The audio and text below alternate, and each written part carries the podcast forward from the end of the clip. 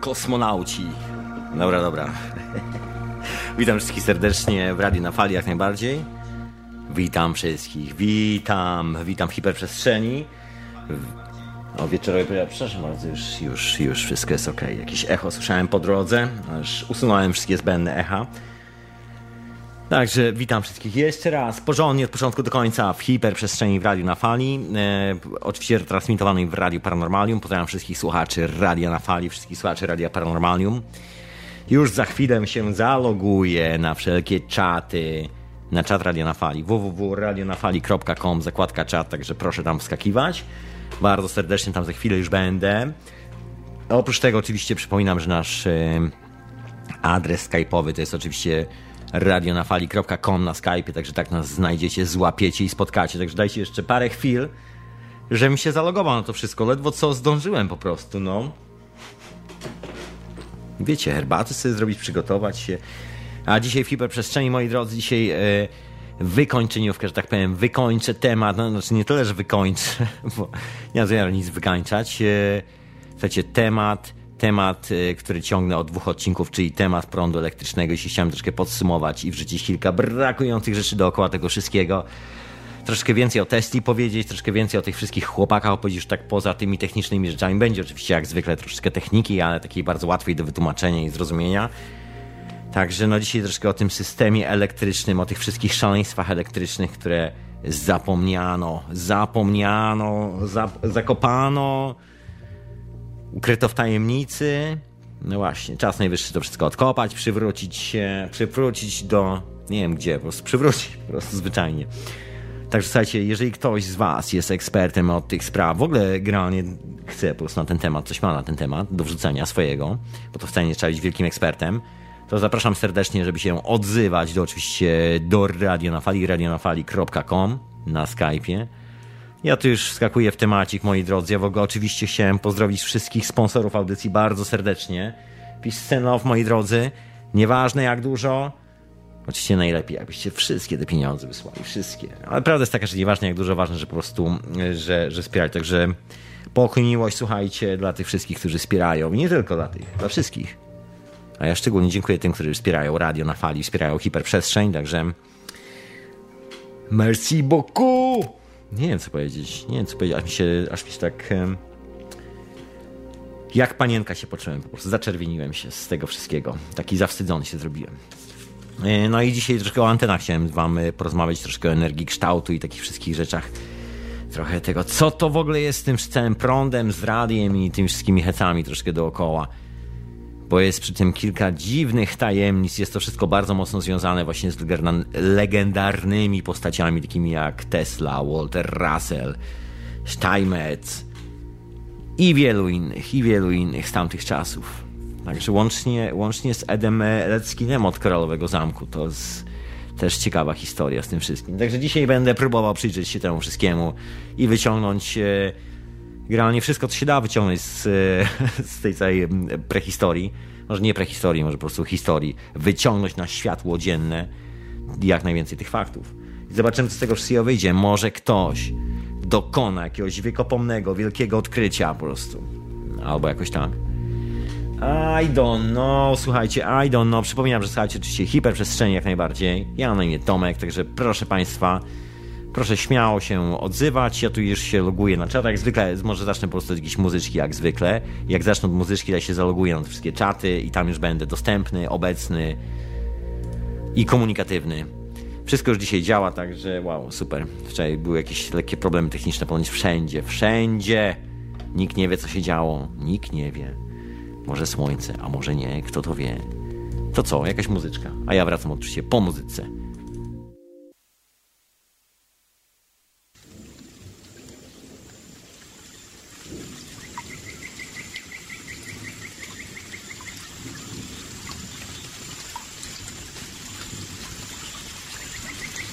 No właśnie, no właśnie, no oczywiście w lesie.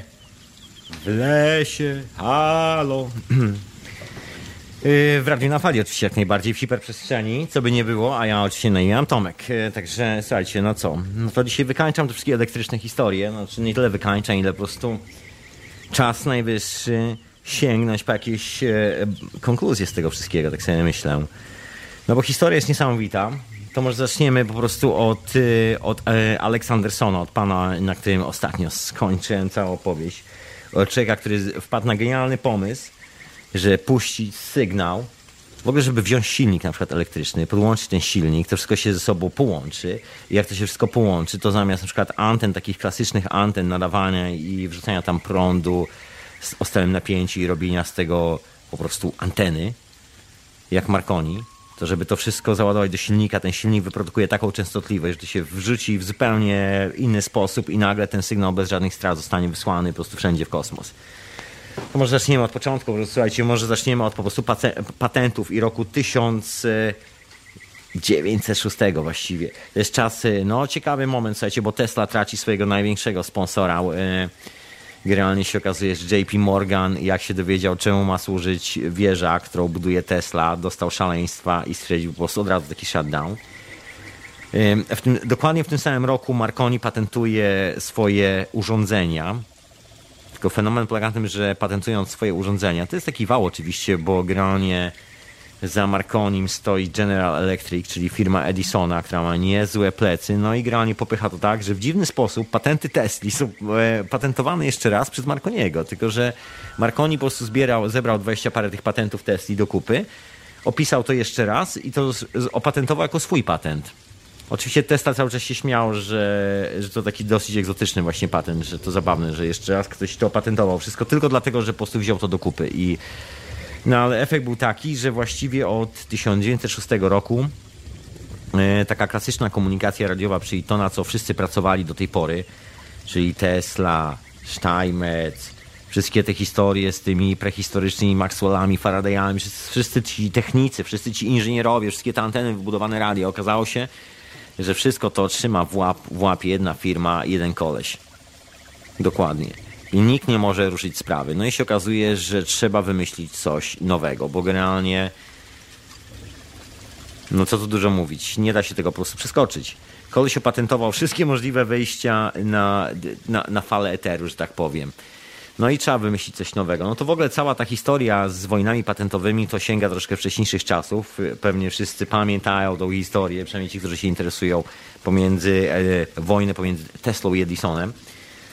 Edison nie mógł zrozumieć, jak działają silniki, ale generalnie chciał mieć kasę z tych silników, a Tesla z kolei rozumiał, jak działają silniki, też chciał mieć, e, chciał, żeby e, Edison się podzielił tą kasą, którą zarobi, ale Edison miał zupełnie inny pomysł, nie lubił się niczym dzielić specjalnie ja mam jakiś taki problem z tym i, i generalnie panowie się rozeszli. E, no i te wszystkie historie to nie jest, to nie jest jedynie problem z, z tym z tą wojną na karencję, w ogóle z tą wojną na karencji na prąd, bo jeden wymyślił prąd, słuchajcie, bo o co chodzi? Jeszcze raz powtórzę, bo jeden wymyślił prąd stały, że wszystko będzie chodziło na prąd stały, a drugi, że na prąd zmienny.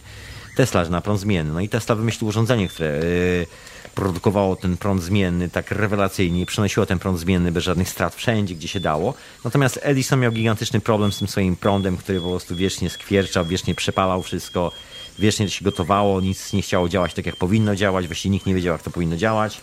Były z tego same problemy. I nic w ogóle z tego za bardzo nie było. No, znaczy było coś tam, ale generalnie nic specjalnego. Więc nic specjalnego, moi drodzy. Nic, nic na czym powinniśmy się zatrzymać w tym momencie. No i kiedy doszło do, historii z żarówką, okazało się, że Edison opatentował żarówkę. Opatentował to, że można zrobić urządzenie elektryczne, które daje światło, ale nie można było patentować po prostu tego, że coś daje światło, bo to jak opatentować słońce troszeczkę. No to Edison opatentował kształt żarówki. Dokładnie taki klasyczny kształt żarówki, takiej wkręcanej, z takim gwintem na dole i, tą, e, i tym gwintem na zewnątrz, takim dużym, tym metalową stopką na dole, dokładnie. To jest e, patent Edisona, moi drodzy. Dokładnie takie żarówki wymyślił Edison. W tamtych czasach e, wyglądało to tak, że jak ktoś wymyślał jakiś patent, to starał się opatentować jakby całą przestrzeń dookoła, czyli na przykład jeżeli wymyśliliście patent na coś, co się znajduje na łódce, staraliście się opatentować wszystko, co jest na łódce, łącznie razem z łódką, tak żeby już nikt nie mógł tego ruszyć i sprzedawać to jako taki gotowy, pełny produkt. Taki po prostu wszystko w jednym pakiecie, czyli tak jak Edison. Żaróweczki o określonym kształcie, razem z kablami do tego, razem ze specjalnymi gniazdkami, razem z, z, ze specjalnymi wkrętami, no i oczywiście do tego kontrola kontrola urządzeń świecących, czyli generalnie lampek, no bo oczywiście lampki musiały mieć ten sam gwint co żarówka Edisona, żeby to się dało wkręcić i e, żeby to zadziałało. Także pomysł był taki od samego początku, żeby robić to tak, żeby patentować po prostu wszystko. Jak się da, najba- po prostu do oporu, moi drodzy, do oporu. Cały proces. No to oczywiście była taka historia z tą żaróweczką, bo jak Edison przegrał tą swoją historię z prądem stałym, bo nie, się okazało, że nie rozumie w ogóle o co chodzi w tym prądzie. Znaczy jest jakby świetnym eksperymentatorem, który słynie z tego, że pasjami spędza całe życie w laboratorium, non-stop coś kręcąc, kombinując, wysadzając w powietrze, dłubiąc, spryskując, robiąc i szuka non-stop nowych rozwiązań.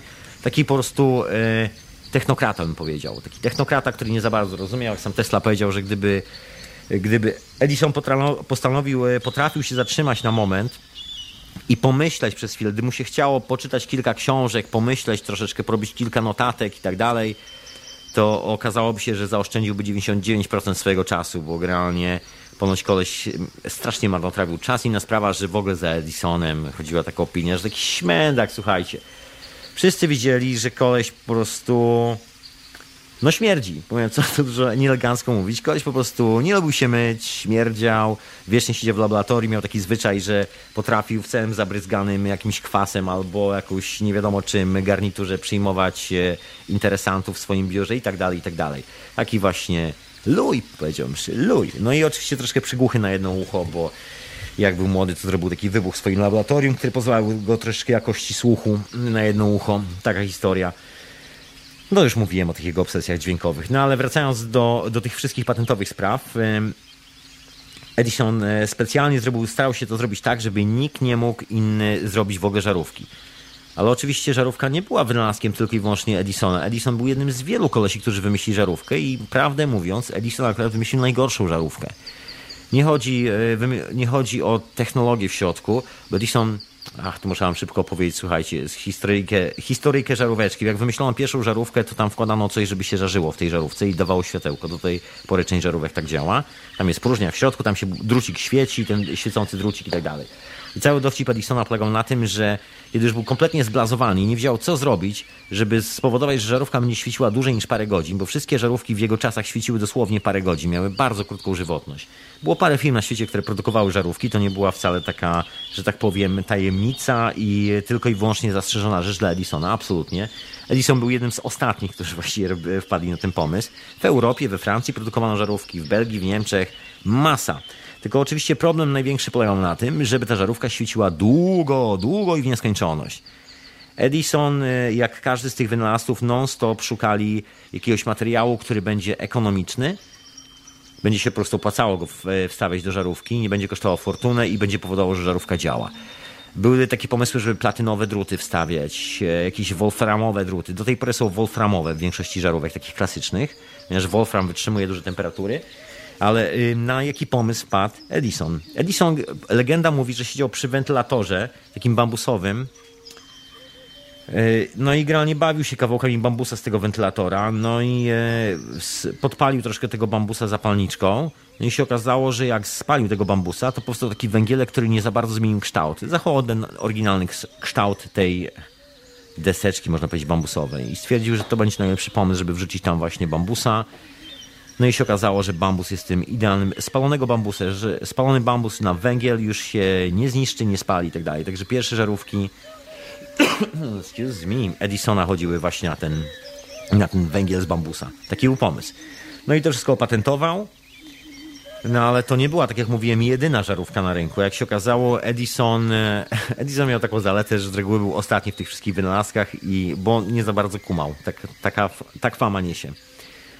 No i kiedy Edison zaczął robić te swoje żarówki z tym pręcikiem w środku, się okazało, że na świecie powstał nowy trend wśród wynalazców, który zapoczątkował nie tylko Tesla, ale wielu, wielu innych z lampami. Nie będę tu wymieniał wszystkich twórców lamp, było ich trzech, było ich trzech. Gdzieś tam może później podrzucę linki. A twierdzi się, że nawet więcej, ale mniejsza o to, słuchajcie. Generalnie okazało się, że wcale nie trzeba ładować żadnych drutów do lampy, żadnych dziwnych heads, żadnych korków, żadnych takich no nie trzeba żadnego wolframu, żadnego bambusa, żadnej platyny, nic z tych rzeczy nie trzeba, nic, nic. Bo problem z żarówką był taki, że ona grzała. że jak to się nagrzewało, jak to zaczynało świecić, to się zaczynało nagrzewać. To też żarówki strzelało od tego. No i w ogóle całe historie. Wcale nie było takie łatwe. Słuchajcie, od żarówek były bardzo często pożary, prawie jak od instalacji gazowej, od, przynajmniej od tych pierwszych żarówek. To nie był taki produkt do domu przeznaczony, to było do szpitali przeznaczone głównie na policję, może do sądu, tego typu miejsca. Po to, po to służyły pierwsze żaróweczki. Straż pożarna, do tej pory w Ameryce jest takie miejsce chyba od 100 lat, oświetlane tą samą żarówką Edisona, bo to wytrzymałe jest, bo to właściwie jak się spali raz bambus, to tam może tysiąc lat dalej, jak tam nikt nie będzie kopał w tą żarówkę ani walił młotkiem, to teoretycznie powinno przeżyć bez żadnego problemu. No chyba, że po prostu wyparuje w jakiejś dziwnej fali antymaterii. Yy, no ale zostawmy falę antymaterii, słuchajcie. No i Tesla razem z innymi kumplami pociągnęli ten pomysł żaróweczki troszeczkę dalej, bo się okazało, że właśnie nic nie trzeba do środka e, ładować. Żaróweczka może być po prostu pustym kawałkiem szkła w środku, jak jarzeniówka i może sobie po prostu świecić. Wystarczy tam gaz odpowiedni włożyć i odpowiednią instalację do tego. No i tu się zaczęła jazda. Edison już taki szczęśliwy, że udało mu się wszystko opatentować i że... E, i że w momencie, kiedy Westinghouse, czyli firma, w której, no, dla której pracował Tesla, dostała największe zlecenie zaraz po wygranej wojnie na, na to, czy ma być prąd zmienny, czy prąd stały z firmą General Electric, czyli z firmą Edisona, dostają kontrakt na oświetlenie wystawy światowej w Chicago. Czy jakoś tak. No i dokładnie w tym samym momencie Edison się rzuca do patentowania wszystkiego dookoła żarówki. Absolutnie wszystkiego, tak żeby żeby doprowadzić e, Tesla i cały Westinghouse do ruiny i zaorać ich po prostu tak, że nie będą mogli żadnej żaróweczki wkręcić. Wszystkie gwinty, wszystkie, wszystko będzie opatentowane i koleś nie będą mogli tego podłączyć. No, oczywiście udało mu się to absolutnie w sensie opatentowania, ale nie wpadł na pomysł, że Tesla jest łebskim kolesiem, który w przeciwieństwie do niego rozumie wiele spraw i potrafi sobie to zrobić. No i Tesla wymyślił nowy gwint do żaróweczki i zupełnie inaczej to potraktował. W taki sposób, że żarówka korzysta z tylko, no właśnie, korzysta tylko z gazu w środku. Jak chcecie zobaczyć, jak wygląda taki klasyczny uchwyt y, do żaróweczki, który wymyślił i opatentował Tesla, to wszystkie jarzeniówki, które doskonale znacie, czyli takie dwa szpikulce wystające, na przykład z boku, nie wystające na dole, tylko wystające z boku. Teraz zdaje się, chyba IKEA produkuje dosyć sporo takich żarówek, które właśnie są oparte na patencie Tesli, zdaje się. Ten patent już jest absolutnie legalny, wygas bo to właściwie cała wojna dotyczyła tych patentów e, na to, jak tą żarówkę wkręcić do obsadki, mówiąc szczerze, bo nic innego się nie dało patentować, bo nikt tak naprawdę nie rozumiał wtedy ani co to jest, ani jak to działa. No inna sprawa, że też ciężko jest opatentować na przykład powietrze, ciężko jest opatentować ocean, wodę, wiatr, słońce jest ciężko patentować. Na moc, o której mówimy, dzisiaj, to jest taka właśnie moc, która jest porównywalna do tych wszystkich mocy. To jest właściwie coś, co gdzieś tam pomyka w falach heteru. Fala heteru, moi drodzy. Słuchajcie, to ja może, bo tak się rozgadałem y, z tym wszystkim, z tą Teslą, z tym Teslą, z tym Teslą. Za chwilę opowiem jeszcze parę słów o Tesli, o słuchajcie, nieziemski koleś, nieziemski koleś. Słuchajcie, najlepsza partia w Nowym, roku, w Nowym Jorku w, tamtym, w tamtych czasach. Koleś, za którym laski się dosłownie uganiały. I to nie jest dowcip.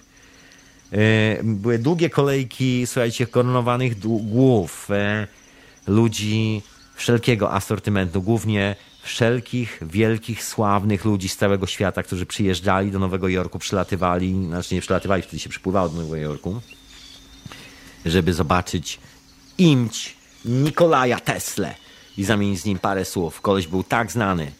To były takie czasy, słuchajcie, były naprawdę czasy na przykład My sobie z tego nie zdajemy do końca sprawy, bo żyjemy w takich czasach, gdzie no ludzie są strasznie apatyczni, strasznie apatyczni, ale kiedyś to było tak, że jak na przykład publikowano jakieś e, odkrycie naukowe, poważnie, jak na przykład została opublikowana teoria względności Einsteina, to słuchajcie, były zamieszki na ulicach, taka jest prawda, były zamieszki na ulicach, poważnie, takie czasy były, ludzie wychodzili, protestowali, to nie było tak, że wszyscy akceptowali w ciemno po prostu jak leci, bo telewizja powiedziała i tak właśnie jest. Nie, nie, nic z tych rzeczy, nic z tych rzeczy. Nie wiem, czy ludzie byli bardziej krewcy, czy jakoś tak, czy może po prostu mieli, mieli większe jaja, jaja po prostu, co tu dużo mówić. No dobra, to ja może po prostu muzyczkę włączę, a po muzyczce się wracam do całej tej opowieści elektryczno-radiowej, elektryczno-radiowej dzisiaj, radiowo, radiowo-elektrycznie.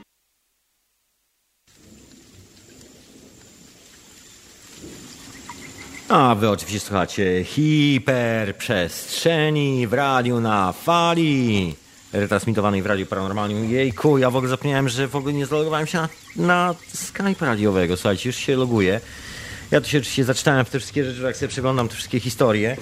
A propos tych wojen patentowych, yy, przypominam, że oczywiście cały czas wklejam linki, wklejam linki www.radionafali.com, także zapraszam wszystkich słuchaczy bardzo serdecznie, żebyście wskoczyli na czata. Yy, tam jest po prostu czat, zakładka czat na stronie www.radionafali.com. Zalogowali się przez ten system kapczy, weszli na czata i tam są granie linki. Tu z paru innych ludzi, także Zapraszam. Ja tu już się loguję do systemu. Ach, się rozgadałem, zapomniałem, poleciało.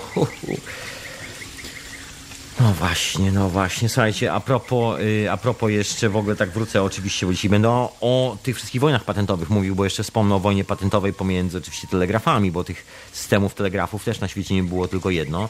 Marconi opatentował jedną rzecz i jakby żył z tego patentu, co nie znaczy, że to był jedyny patent na to, bo się okazało, że były jeszcze inne i były jeszcze inne firmy, które produkowały. Bo Marconi miał ten sam e, patent ze swoim, e, że tak powiem, nadajnikiem, radiem tym swoim, dokładnie jak nasz poprzedni kolega, czyli Edison. Czyli generalnie, żeby cały proces opatentować łącznie z kablami, ze wszystkim, co się da dookoła. Generalnie tak jak e, Edison miał taki pomysł, że tylko dlatego, że on był pierwszym kolesiem, który kładł wszędzie elektryczne kable i w ogóle był całą podstawę instalacji elektrycznej, dlatego jak na przykład, op, że tak powiem, o, opatentuje te wszystkie historie dookoła żarówki, to Tesla nie będzie mógł na przykład e, przeskoczyć tego problemu i będzie zmuszony przegrać swój kontrakt straci na tym fortunę, straci dobre imię, straci wszystko, bo nie będzie mógł się podłączyć pod instalację, która tak czy siak była projektowana przez Edisona. No ale tu się okazało, że Tesla był łebski i tak jak wspomniałem, elegancko oprzedł ten system, wręcz zaskoczył. Okazało się, że jego żarówki świeciło wiele lepiej, o wiele dłużej i nie było z nimi problemów w ogóle, bo nie było żadnych e, elementów w środku metalowych, ani żadnych ruchomych elementów w środku, które mogłyby ulec zniszczeniu. Także się okazało, że facet zbudował pierwszą neonówkę, która świeciła no świeciła tak dużo, y, jak się, da, jak się dużo prądu tam dało. No historia nieprzeciętna. Oczywiście na dodatek tego wszystkiego ta żarówka świeciła wireless, czyli była bezprzewodowa. To już w ogóle doprowadzało Edisona do szału, który nie rozumiał, jak to się dzieje, że taki po prostu przybłęda z Europy, który nie dość, że jest zawsze czysty, świeży, pachnący, tłumy ludzi dookoła niego, Facet jest geniuszem, a on taki amerykański Amerykanin, on nic, i on nawet nie rozumie tego, jak to działa w ogóle. Tesla bierze do ręki kawał szkła i to wszystko działa chore jasna. No tak, tak, takie czasy były. Takie czasy. No i Marconi podobnie jak Edison grali miał takie same pomysły i jak sobie wymyślił ten swój set do nadawania tego sygnału transatlantyckiego. W ogóle skandale były z tym, bo na przykład odmówił odmówił przekazania jakiejś bardzo ważnej wiadomości jednej, jednej królewskiej głowy do Teodora Roosevelta, czy jakoś tak, tylko dlatego, że statek który pośredniczy w tej, e, w tej e, w przekazywaniu tego sygnału alfabetem Morsa używał urządzeń firmy e, Slabi Arco i Brown Siemens Helski. I generalnie używał po prostu niemieckich urządzeń, które nie należały do firmy Marconiego. No i Marconi stwierdził, że skoro urządzenie jest niekompatybilne, on nie będzie przekazywał sygnału z niekompatybilnych urządzeń, które nie należą do niego. Także cokolwiek sobie ktoś tam nadawał, to i to był wielki w ogóle skandal. No później oczywiście była historia z Titanikiem, bo tam też była jakaś taka jazda z nadajnikami.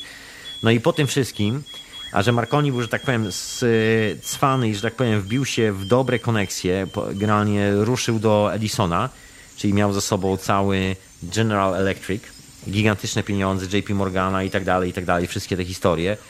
I inna sprawa, że jak opatentował y, to wszystko, to oczywiście JP Morgan wyrzucił gigantyczną kasę na to, żeby, żeby Marconi zbudował ten swój system anten. Pierwsza rzecz miały służyć do kierowania statkami po morzu, na przykład była, była, była łączność z każdym statkiem handlowym, towarowym, bo to chodziło generalnie o, wszystkie, o transport towarów no i generalnie podjął się Marconi zbudowanie czegoś takiego. No i zaczął budować te swoje stacje e, radiowe. Oczywiście nie do końca wiedział, jak działały te wszystkie wynalazki testy. Z tym była w ogóle bardzo ciekawa historia. Inna sprawa, że jak to wszystko skończono patentować, to był już rok 906. E, no i się okazało, że przypływie tego szaleństwa patentowego właściwie Tesla i wszyscy inni kolesie zostali właściwie no z rękami w nocniku, jak to się nieelegancko mówi. Bo wszystkie patenty należały do kolesi, którzy w ogóle nie mieli bladego pojęcia, co tak naprawdę mają, bo po prostu ukradli wszystkie te patenty za pomocą nieprzeciętnej korupcji w urzędzie patentowym. Wszystko to wykupili, sprzedali, mają ze sobą gigantyczne pieniądze z Wall Street i największych bogaczy, największe banki ze sobą. Także nie było żadnych szans. No i grani ci kolesi położyli na wszystkim łapę. No i zaczęły się dziwne historie. Ale tylko wspomnę o tych wszystkich regulacjach radiowych, bo to myślę dosyć istotna sprawa. E, w 1906 roku, kiedy wszystkie te patenty przeszły na, na jedną firmę, okazało się, że ta firma dodatkowo ma też patent na wszelkie możliwe lampy. Taka historia. Przynajmniej te używane w tym całym systemie radiowym. No potem się okazało, że Marconiego wykopano, o czym, o czym już wspominałem, że jak się zaczęła że jak się zaczęła pierwsza wojna światowa, znaczy inna sprawa, że było troszkę wcześniej, bo y, Roosevelt i cała administracja amerykańska bardzo nieprzychylnym okiem patrzyła na Marconiego. Inna sprawa, że Marconi był po prostu nieprzeciętnie chciwym kolesiem. I generalnie trwała wojna po prostu, to wojna pomiędzy krajami, który kraj będzie miał monopol w radiu, czy jakoś tak, który nada większy sygnał i w ogóle wszystkie tego typu historie. To było w poprzednim odcinku Hiperprzestrzeni, troszeczkę słuchacz o tym mówił. No i efekt był taki, że tam z Marconim na przykład się procesowały y, rządy Kanady, które kiedy on zaczął budować stacje, to na przykład rządy, rząd Kanady stwierdził, że on musi na przykład zacząć płacić za te stacje radiowe, za wynajem te, e, tych stacji radiowych. No i wszystkie historie dookoła. Oczywiście problem polegał na tym, że Marconi opatentował cały ten system, patentując praktycznie urządzenia Tesli, które, które wspomagały ten system, jeszcze raz. No i pozbawiając Tesla możliwości, wszystkich innych możliwości korzystania z tych urządzeń, chociaż często służyły do czegoś zupełnie innego, a jakby cała praca i jakby to, że się sprawdzały w radiu, były takim po prostu dodatkowym zajęciem tych urządzeń. No i tak oto zatrzymano naukę naprawdę bardzo skutecznie na jakiś niezły kawałek czasu. No co zatrzymano? Słuchajcie, to może ja po prostu opowiem, co, ta, co zatrzymano. Co zatrzymano z tej, z tej nauki? Z tej nauki zatrzymano taką w ogóle ciekawostkę i tu wspomnę, jak troszeczkę naukowo się zrobi przez moment. Bardzo, bardzo naukowo. Wspomnę o hercach. Był taki niemiecki naukowiec, który się nazywał Hertz. No i Hertz y, stwierdził, że ta energia, która jest dookoła, fala, częstotliwość, prawda? Że jest coś takiego, że po prostu wszystko się trzęsie dookoła i że można to policzyć, wszystko pulsuje. I że jeden taki puls, znaczy, że 100 pulsów na sekundę to jest jednostka miary, że można powiedzieć, że wszystko dookoła na przykład pulsuje i można to zacząć sobie liczyć.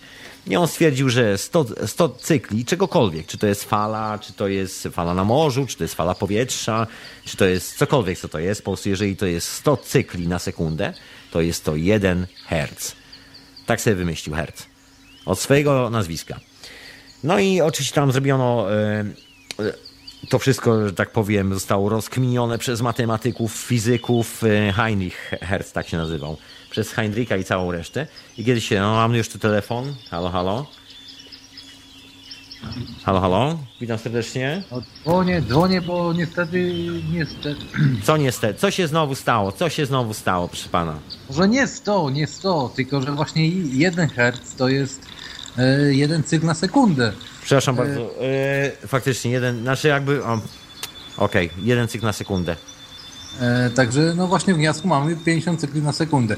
No ale takie pytanie właśnie do ciebie, nie? Bo, e, tak sam w sumie nie wiem, nie? Jak, e, jak Tesla sobie tam wydumał, że, że w jaki sposób on generował to, te, te fale elektromagnetyczne, czyli właśnie te herce, tą częstotliwość. To były nadajniki, ja z tego co, co ja y, wiem, to były nadajniki iskrowe, nie? No były nadajniki iskrowe, ale jakby nie wbijajmy się w takie bardzo techniczne sprawy, bo to nie chcę, jakby podejrzewam, że większość słuchaczy nie jest inżynierami elektrycznymi, także musimy trzymać taki poziom, żeby każdy kumał. No e, tak, tak. Także nie mówimy o nadajnikach iskrowych. Nie, bo, bo, bo, mówisz, mówisz o, o, właśnie o tym, o, o tej bitce, nie? Że Dokładnie. Tam, Słuchaj, ja się cię spytam, bo ty jesteś, bo ty się znasz na takich sprawach, bo tu jest w ogóle taka ciekawostka. Kiedy Hertz zaczął liczyć, przemierzać te wszystkie rzeczy, te wszystkie cykle, przynajmniej ci koleś od prądu, kiedy się pojawił wreszcie prąd i zaczęto mierzyć, że ten prąd tymi cyklami, stwierdzono, że będą liczyć do kwadratu, do potęgi. No i na przykład 1 kHz to jest 10 Hz do trzeciej potęgi. Tak. Potem, jest, e, potem są megaherce. Nie, potem, to jest. E, no tak. Potem jest, potem jest megaherce, czyli masz 10 do szóstej potęgi. Potem jest gigaherce, 10 do dziewiątej potęgi. Potem są teraherce, czyli 10 do 12. Ten skok zawsze jest o 3 e, teraherce. No, po giga jest tera. Po 3 zera, po 3 zera i tam się dodaje ta literka, nie?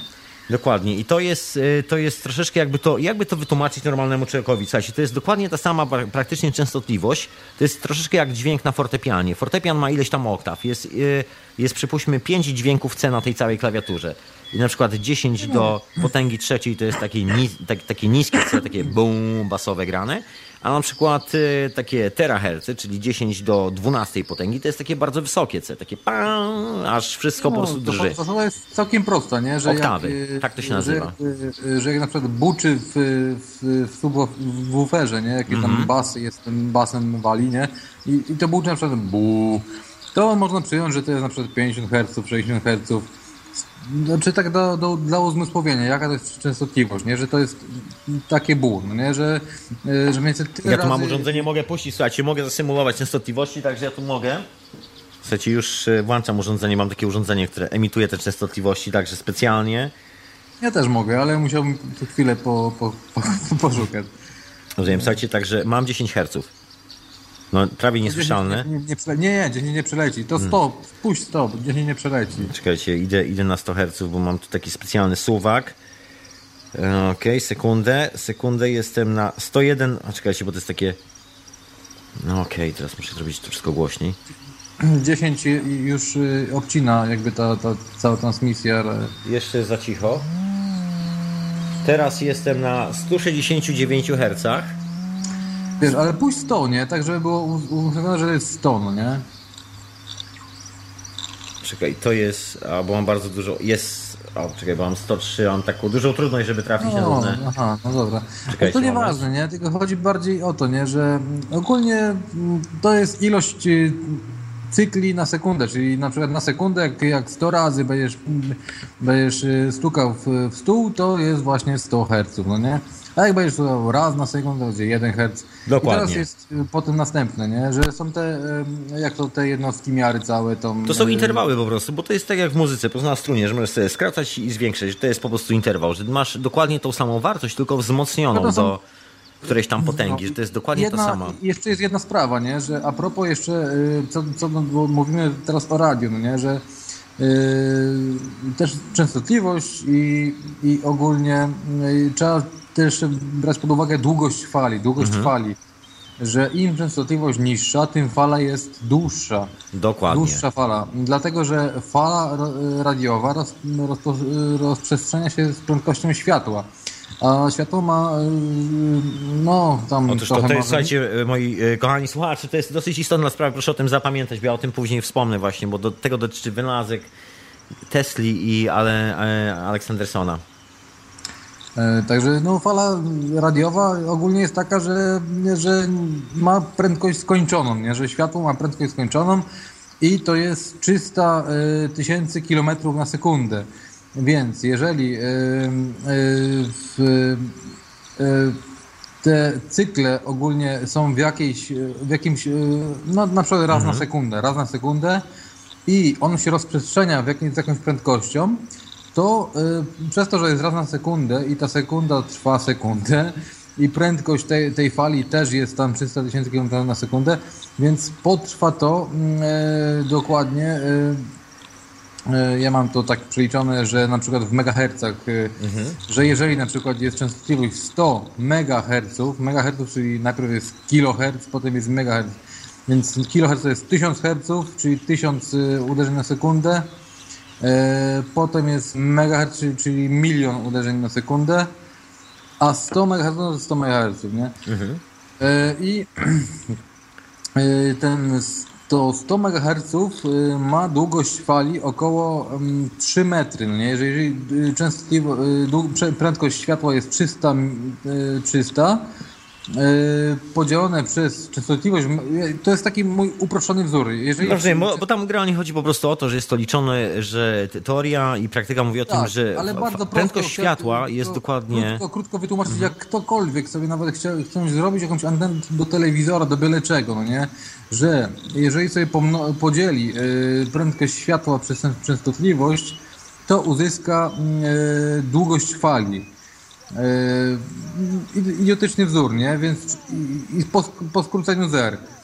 Jeżeli napiszemy na górze 300, a pod spodem napiszemy częstotliwość już w megahercach, czyli na przykład 300 przez 100, mhm. MHz, ale bez, bez żadnych zer, 300 przez 100, to uzyskamy, uzyskamy półtora, nie? I to jest właśnie długość fali, półtora, ale w metrach, w metrach, to, w metrach, mhm. to, to jest długość fali w metrach. Więc 300 przez, 300 y, przez 100 MHz y, wychodzi nam y, półtora metra długość fali. To jest ciekawa sprawa, dlatego że mm, ogólnie wszystkie anteny są budowane. Wiemy, że jedne anteny są dłuższe, drugie są krótsze. Mhm. Czasem do CB są anteny 6-metrowe, gdzieś tam na, na, na, na, było widać gdzieś na domach. To były anteny głównie półfalowe, bo CB ma częstotliwość 7 MHz. Czyli granie tak, na tak zwane niskie częstotliwości, to są te wszystkie wysokie fale, wszystkie wysokie anteny, to są właśnie tak zwane niskie częstotliwości. Wszyscy ci CB radio i tak dalej właśnie korzystają, to łatwo zauważyć, że no, niskie, jest niskie, wysoka to antena. Me, to już są mega, megaherce, mm. są, to już są megaherce, nie? Bo, bo wiadomo, że są dużo niższe i dawniej właśnie w tych czasach były używane No właśnie, do tego, do tego dzisiaj dążył. Tego dzisiaj dąży, moi drodzy, do niskich częstotliwości, do buczenia. Tak. No to dobra, to, to dajesz, nie? Tylko tak właśnie tak się przypiąłem, bo, bo, bo no i tyle, nie? Ale, ale a propos tego Tesli, to mówisz, że on to iskrowe te nadajniki używał, tak? No, dokładnie, na to wygląda. Na to no wygląda. tak mi się też wydaje, że to isk były iskrowe i, i to one są nazywane iskrowe. Nie, nie, nie, są żadnym nazwiskiem nazywane, nie? Bo na przykład potem są Aleksandersona, yy, są też Marconiego, ale iskrowe są iskrowe i bez nazwiska. Otóż to.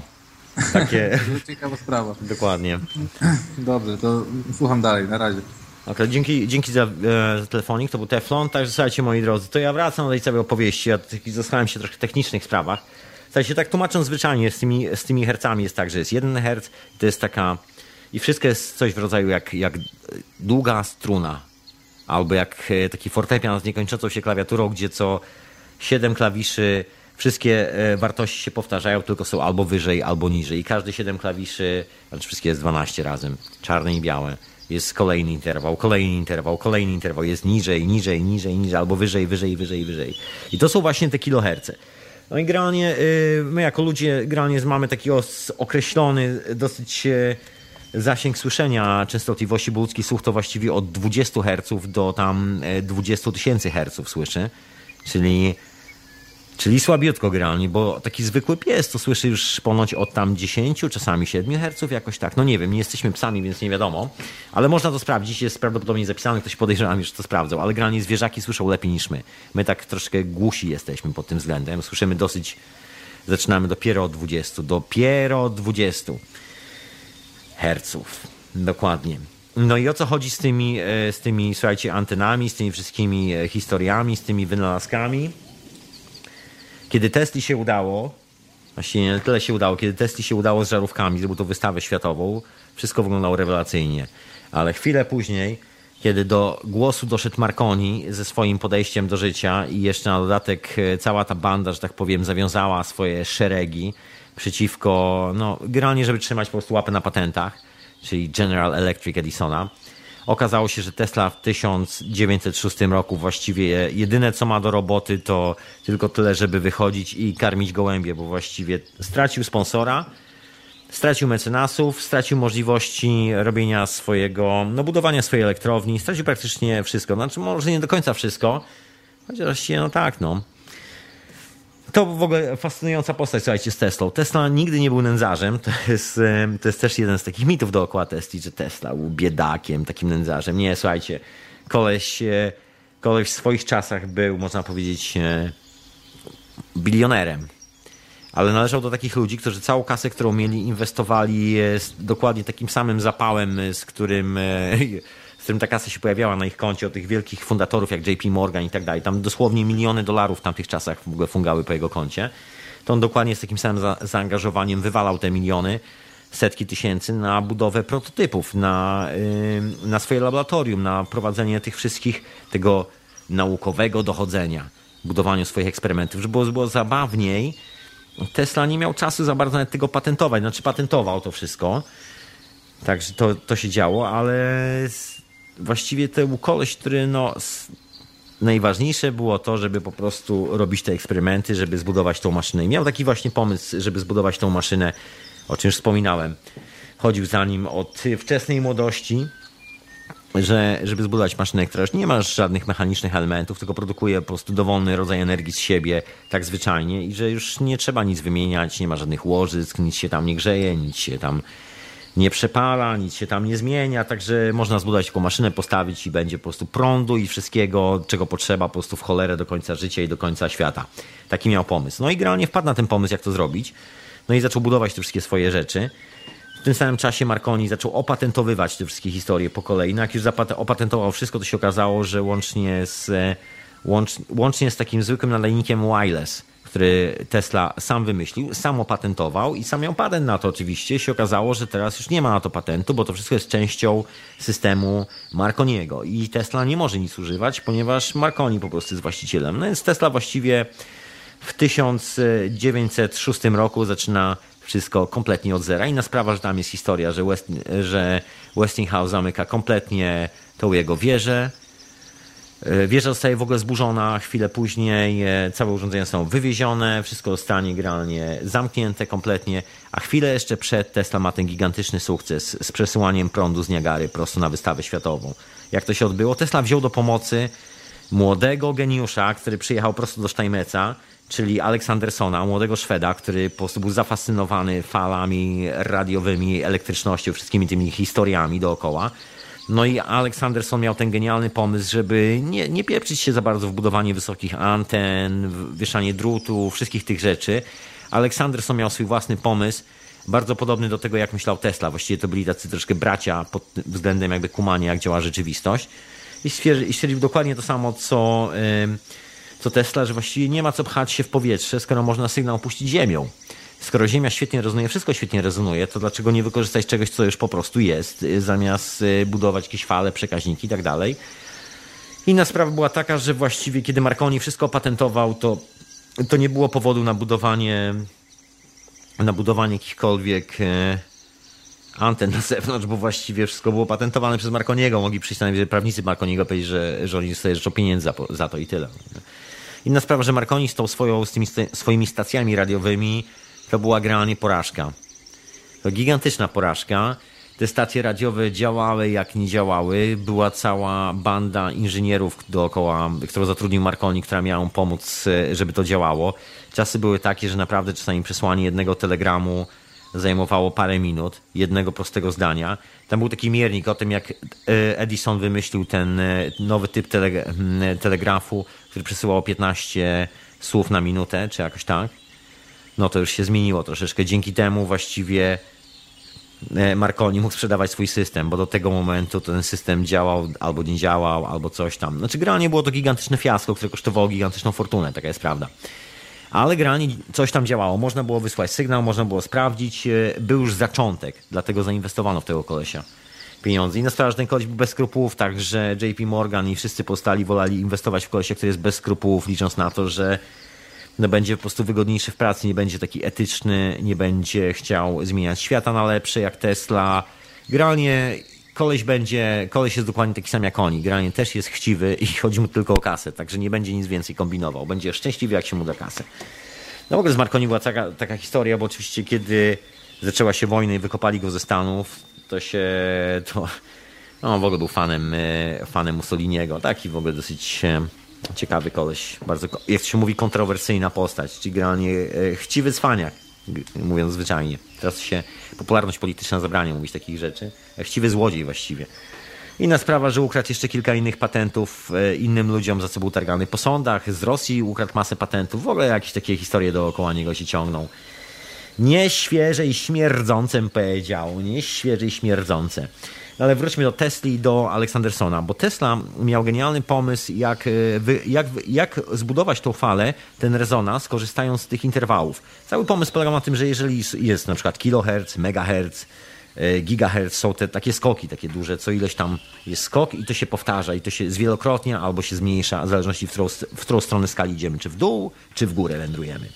No to Tesla miał taki pomysł, żeby puścić, dostosować częstotliwość i puścić w tunelu troszeczkę jakby, że jest jedna częstotliwość, na przykład 10 do tam do 6 i tam obok leci jakaś dodatkowa, która jest podłączona pod to, troszkę takie tunelowanie, jakbyśmy sobie wybudowali taką rurę z jednej częstotliwości i w środku tej częstotliwości puścili drugą, która będzie pasowała harmonicznie, czyli na przykład jeżeli częstotliwość, jeżeli sobie narysujemy tą falę, taką sinusoidę przed sobą i ta sinusoida będzie miała jedną górkę, dół, druga górka, dół, trzecia górka.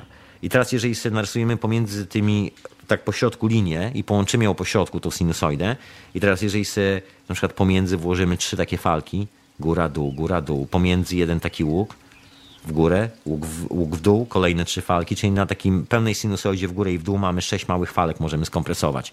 Coś na zasadzie kompresji, jak to się elegancko mówi. Czyli generalnie tam, gdzie była jedna fala, mo możemy teraz włożyć trzy fale, ale żeby wykorzystywały dokładnie tą samą proporcję i pasowały do tej długiej fali. I wtedy ta długa fala będzie zachowała się jak wzmacniać, czy będzie po prostu wypychała tą, e, tą szybką falę. Popychała ją dalej, nie ingerując w nią, nie zmieniając jej, nie psując jej wszystko, i wszystko będzie idealnie chodziło.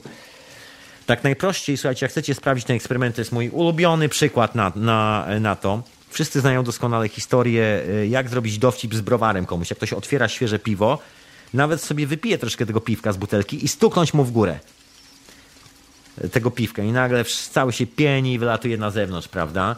To jest mniej więcej e, ten sam efekt. No plus jeszcze dodatkowy się nazywa fala skalarna, ale to, e, ale to już inna sprawa. Ale generalnie to jest właśnie taki sam efekcik że można sobie taki interwał po prostu wygenerować. Tylko, że w butelce ten interwał nie ma po prostu miejsca, także od razu próbuje wybić wszystko, co jest z butelki. Także tak to, tak to działa. No i Tesla generalnie zorganizował sobie i wymyślił taki system, który, na, który nadawał system, sygnał taki dedykowany. Także odbiornik musiał być nastrojony dokładnie na tą samą częstotliwość, na te, na te malutkie falki, jak nadajnik. I w ten sposób, kiedy mamy dwa dokładnie takie same układy, zestrojone na tą samą częstotliwość, iluś tam herców, czy jakoś tak, tam mieszane częstotliwości, bo tam ileś ich było, no to wszystko będzie działało. Taki pomysł miał. No i wysyłał, tylko że wtedy sygnał był odbierany tylko przez e, urządzenie, które było dos e, skalibrowane dokładnie na tą samą częstotliwość. No Aleksanderson wymyślił, że jeżeli użyje tego silnika i wpuści tą częstotliwość tak mocno w ziemię, i użyje takich niskich częstotliwości, to właściwie jak puści ten sygnał, to ten sygnał rozejdzie się wszędzie i można to zrobić tak, że nie wszędzie się wcale dostrajać do tego sygnału, bo ten sygnał po prostu będzie wszędzie. Nie wszędzie, znaczy nie wszędzie dostrajać urządzeń do tego sygnału, żeby go wyłapał. Co najwyżej będzie trzeba się tylko dostroić do sygnału. Ale już nie całe urządzenie, tylko na skali sobie znaleźć miejsce, w którym jest ten sygnał. Trochę tak jak historia z radiem, kręcenie dużą gałką i przesuwanie tą wskazówką w lewo, w prawo bez e, wymiany radii. Taki był pomysł Aleksandersona i tu się chłopaki zgadali i generalnie Aleksanderson był kolesiem, który pomagał Tesli, zdaje się, robić e, przy tych silnikach troszeczkę, także no to w ogóle była taka historia. Nie, nie mam na to zbyt dużo dokumentacji, bo tu, słuchajcie, to no nie jest tak łatwo znaleźć wszystkie te historie na temat Tesli i na temat tamtych wynalazców. Co jakiś czas było tak, że któremuś z nich płonęło całe laboratorium z dokumentacją, pomimo że chłopaki robili gigantyczną dokumentację. Tesla miał gigantyczną dokumentację. Tesla miał świra na tym punkcie i kolekcjonował praktycznie wszystko. W pudełkach, elegancko wszystko poukładane, posortowane, wszystko datami. Szaleństwo po prostu, żadnego chaosu, nic, tylko był elegancko poukładany. Był tak poukładany, jak po prostu niewielu ludzi. No i za każdym razem miał tego pecha, że tak mu się zdarzało, że to laboratorium często szło z dymem. Ups, po prostu tak szło z dymem i szło. O właśnie. To ja może, proszę Państwa, troszkę zostawię ten dym, e, ten dym laboratoriów Tesli i e, po prostu włączę, włączę jakąś muzyczkę, proszę Państwa, bo troszkę się zagadaliśmy i ja myślę, że taką muzyczkę, która dawno nie leciała w tej audycji, a leci często w wieczorowej porze, także, a dzisiaj wieczorowa pora, także zapraszam bardzo serdecznie. To posłuchajmy. Polska muzyka w polskim radiu. A wy oczywiście słuchacie jak najbardziej Radia na Fali, moi drodzy, i audycji Hiperprzestrzeń. Ja mam imię Tomek. Retransmitowana jest audycja, oczywiście pozdrawiam wszystkich słuchaczy w Radiu Paranormalium. Yy, I przypominam, żeby wspierać, wspierać finansowo. Chciałbym usłyszeć szelest. Właśnie monety nie szeleszczą, także proszę, proszę wpłacać banknoty. Proszę wpłacać zdecydowanie banknoty. Im więcej zer, tym lepiej. To troszeczkę tak jak z odwrotną stroną niż z hercami. Po prostu Im więcej, tym lepiej. No ale wracajmy do tej całej historii, słuchajcie. Ja tylko że zawinę jeszcze przez chwilę przez Marconiego, tak już jak jestem, też opowiem o tym Marconim, bo to jest karma, słuchajcie. To jest naprawdę. His, historia Marconiego to jest historia po prostu karmy. Jeżeli ktoś w karmę nie wierzy, to słuchajcie, pomyślcie, być może karma działa, nie? Marconi, taki chciwy koleś, generalnie jak sprzedawał swój patent, jak buchnął to wszystko, to oczywiście pognał od razu do rządu Stanów Zjednoczonych i sprzedało to wszystko yy, na wojskowe kontrakty, no bo jasna sprawa. No i oczywiście zakontraktował sobie marynarkę wojskowo-amerykańską na te swoje pierwsze nadajniki, które mu zresztą pomagały w, tą, w, tym, w tym transmisji transatlantyckiej. No to w ogóle jakaś taka historia była, że z tą jego transmisją, że, że tam była troszkę taka podpucha i bardzo nieudana była ta pierwsza transmisja. To w ogóle cud, że to w ogóle ktokolwiek uznał, że to się wydarzyło. Taki po prostu cud. Troszkę dużo ludzi chyba zainwestowało pieniądze w Marconiego, także bardziej o to chodziło, że to się po prostu musiało wydarzyć. E, bo tak naprawdę minęło 5 lat dopiero do momentu, kiedy Marconi ogłosił, że transmisja się udała, do momentu, kiedy właściwie Marconi był w stanie robić jakiekolwiek sensowne transmisje swoimi antenami, takie konkretne. Także, yy, także ktoś tam musiał nieźle posmarować, że tak powiem. No a Marconi w ogóle, jak to wcześniej wspomniałem, niezłym cwaniaskiem. No słuchajcie, co by dużo nie mówić, kiedy już był troszkę starszy, był, na przykład był członkiem, to się nazywało, bo był w ogóle wielkim fanem, e, fanem Duce, faszystą, faszystą był po prostu, był członkiem Wielkiej Rady Faszystowskiej we Włoszech, dokładnie, słuchajcie, na jego drugim ślubie. Kto był, kto był świadkiem? Sam Mussolini, sam Mussolini, także i był honorowym obywatelem Watykanu. Wtedy Watykan był takim państwem kościelnym stuprocentowo, także e, nie dość, że był obywatelem Watykanu, to prawie jak papież, prawda? No właśnie, taki koleżka, ciekawa, ciekawa osobowość, słuchajcie, ciekawa. No i, e, no i generalnie postanowił, e, no i Aleksander, no co ja, co ja dużo mówię, słuchajcie, no i Marconi, ale Marconi tak czy siak dostał zezwolenie na budowę tych swoich stacji radiolokacyjnych, także zaczął budować te stacje. Od, yy, wybudował ich parę na terenie Stanów, o czym już chyba wspominałem. Najważniejsza to właśnie ta, która nas najbardziej interesuje, to jest oczywiście stacja w New Brunswick, czyli od strony Pacyfiku, bo tam się działy niesamowite rzeczy. No jako, że tak jak wspomniałem, te jego nadawanie za bardzo nie wychodziło, więc Marconi szukał w ogóle ludzi, którzy przyjdą i granie naprawią te wszystkie rzeczy.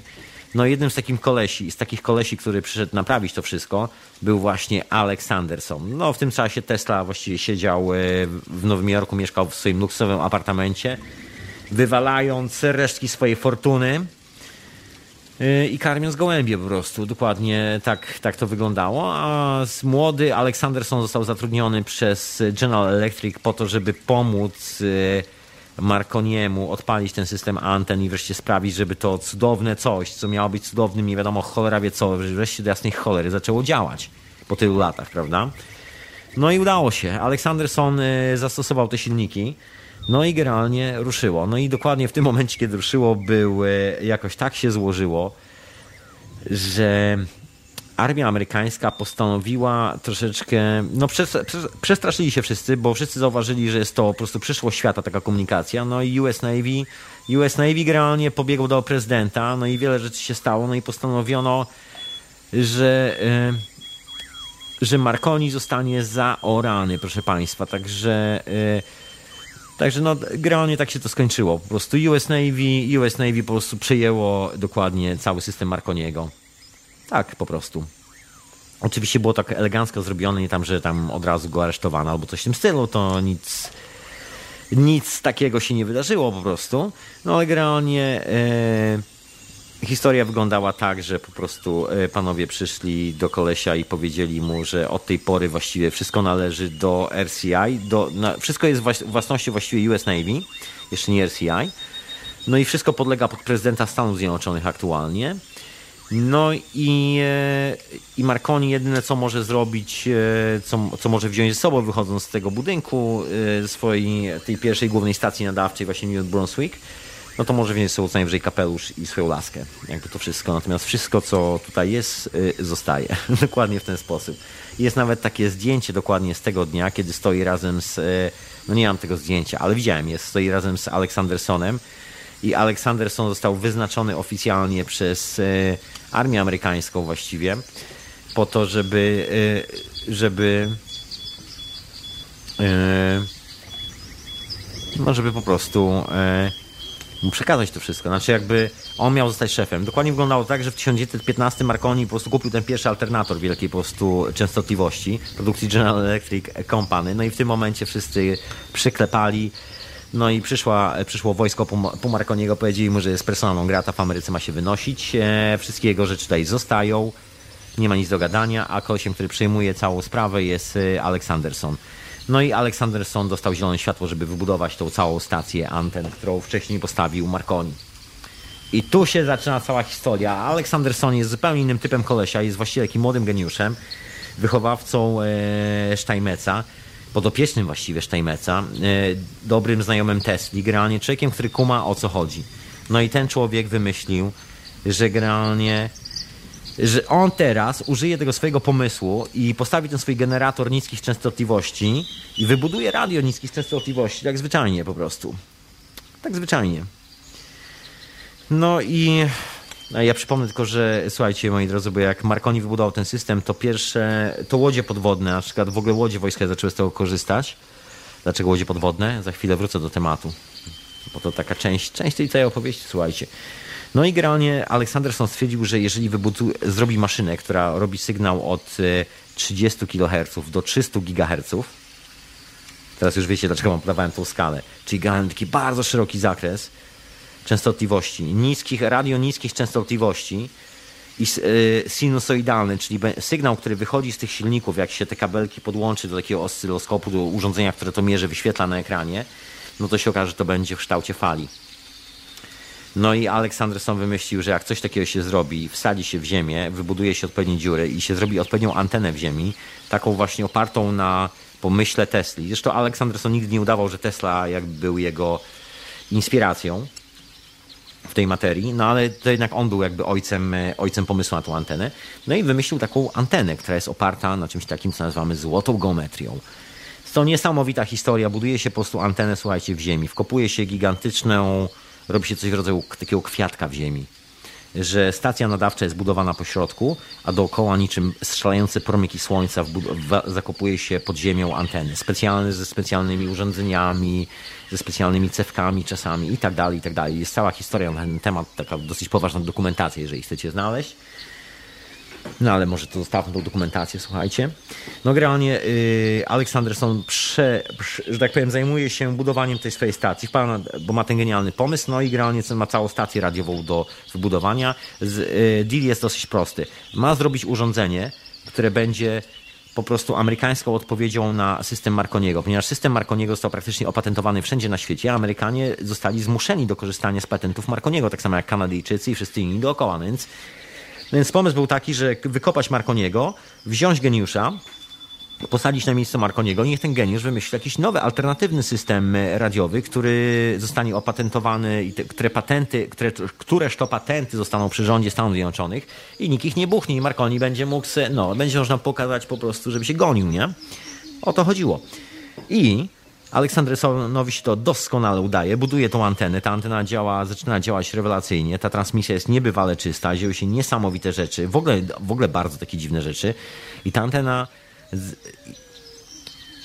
Znaczy dziwne rzeczy, słuchajcie, to dziwne rzeczy zaczynają się, kiedy antena zaczyna pracować na 30 kHz i zaczyna się, że tak powiem, ustawiać troszeczkę niżej. Zaczyna się zjeżdżać do tych naprawdę długich, niskich częstotliwości. Zaczynają się dziać dziwne rzeczy. Bardzo dziwne, bardzo dziwne. No a wtedy w ogóle świat był taki troszeczkę dziwny. Ciężka walka o patenty, naprawdę ciężka. Słuchajcie, Walter, e, Walter Russell e, publikuje swoje prace chwilę wcześniej. Kim był Walter Russell? Bo to też jest taka dosyć istotna e, postać tej opowieści, bo to był pierwszy facet, który właściwie narysował, jak powinny wyglądać prototypy takich anten i na czym polegają te wszystkie fale i propagacja tych wszystkich fal. Więc Walter Russell był czymś w rodzaju i don't know, filozofa, można powiedzieć w Stanach Zjednoczonych, pisarza, filozofa, poety, malarza. Słuchajcie, kim nie był? Nawet architektem. Właściwie Walter Russell był wszystkim. Po prostu e, postacią renesansu, to chyba najlepsze określenie.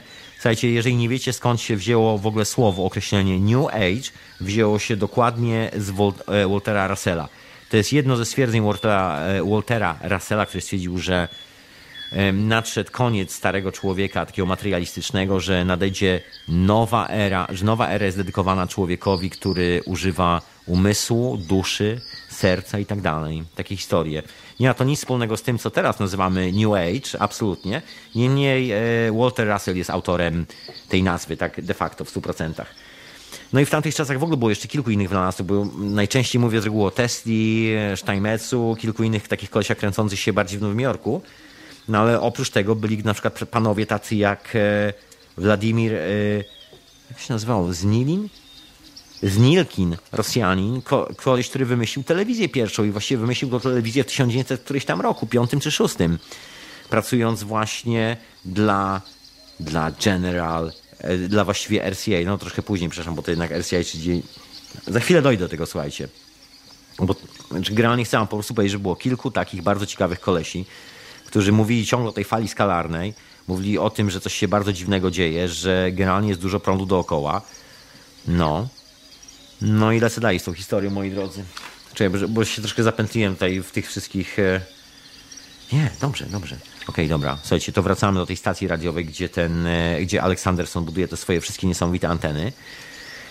No i co się dzieje, kiedy anteny zaczynają działać? Wszystko jest ok. Yy, się okazuje, żeby utrzymać ochronę patentową, Stany Zjednoczone postanowiły, yy, postanowiły zorganizować coś takiego jak yy, taką grupę, taki parasol rządowo-prywatno-wojskowy. Nie wiadomo jak to nazwać. Generalnie zostaje powołana firma, spółka o nazwie RCI.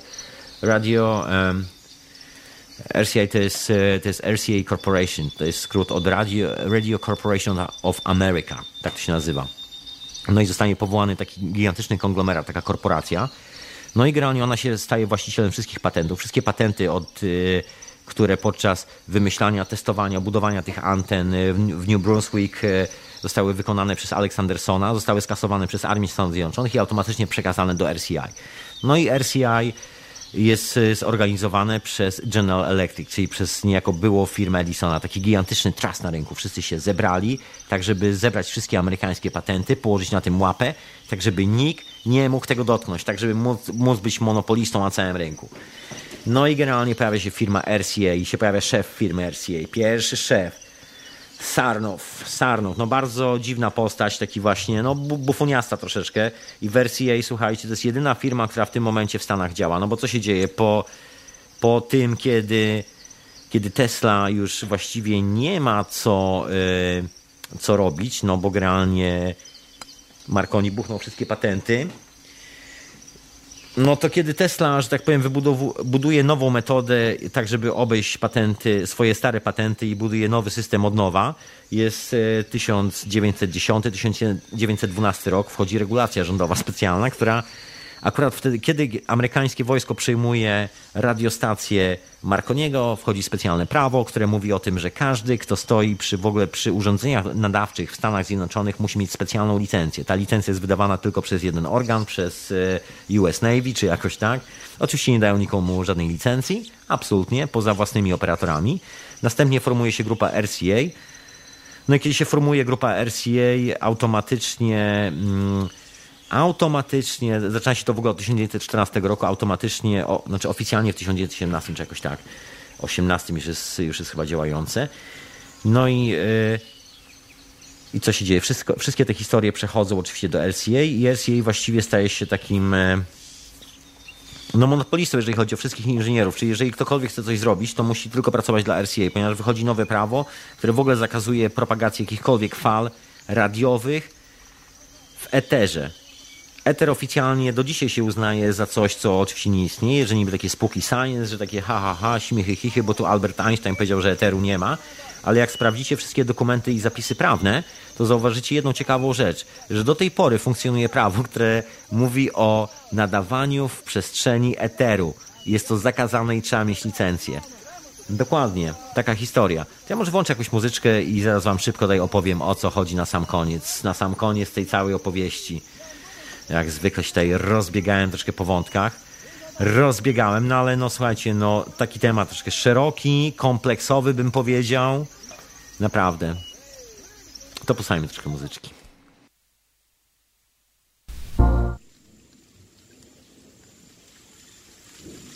A my jesteśmy w lesie, czyli w radiu na fali, a y, oczywiście w hiperprzestrzeni jak najbardziej.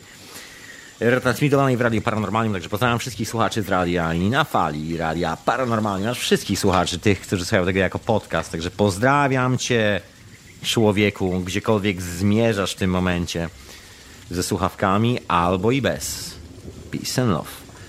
Słuchajcie, to co? To, to lecę dalej z tą historyjką co się działo dalej z tymi panami, z tymi radiem, z tymi wszystkim. No jest jak Marconi, e, cwaniak został wykopany przez drugiego cwaniaka, który po prostu zobaczył, że jego kariera w armii się kończy, także postanowił założyć szybką taką wojskową rządową korporację, czyli generalnie nasz e, założyciel, właściwie szef e, Sarnow, szef RCA, z takiego korpusu wojskowego przechodzi, e, zostaje szefem RCA, czyli korporacji, która steruje całym radiem w Ameryce. A a takie są czasy, że wychodzi takie prawo w Ameryce, że praktycznie nie ma możliwości, żeby ktokolwiek prywatnie mógł nadawać jakikolwiek sygnał radiowy w eter. Absolutnie jest to zakazane, zabronione, nielegalne, dokładnie tak jak w czasach prohibicji, alkohol.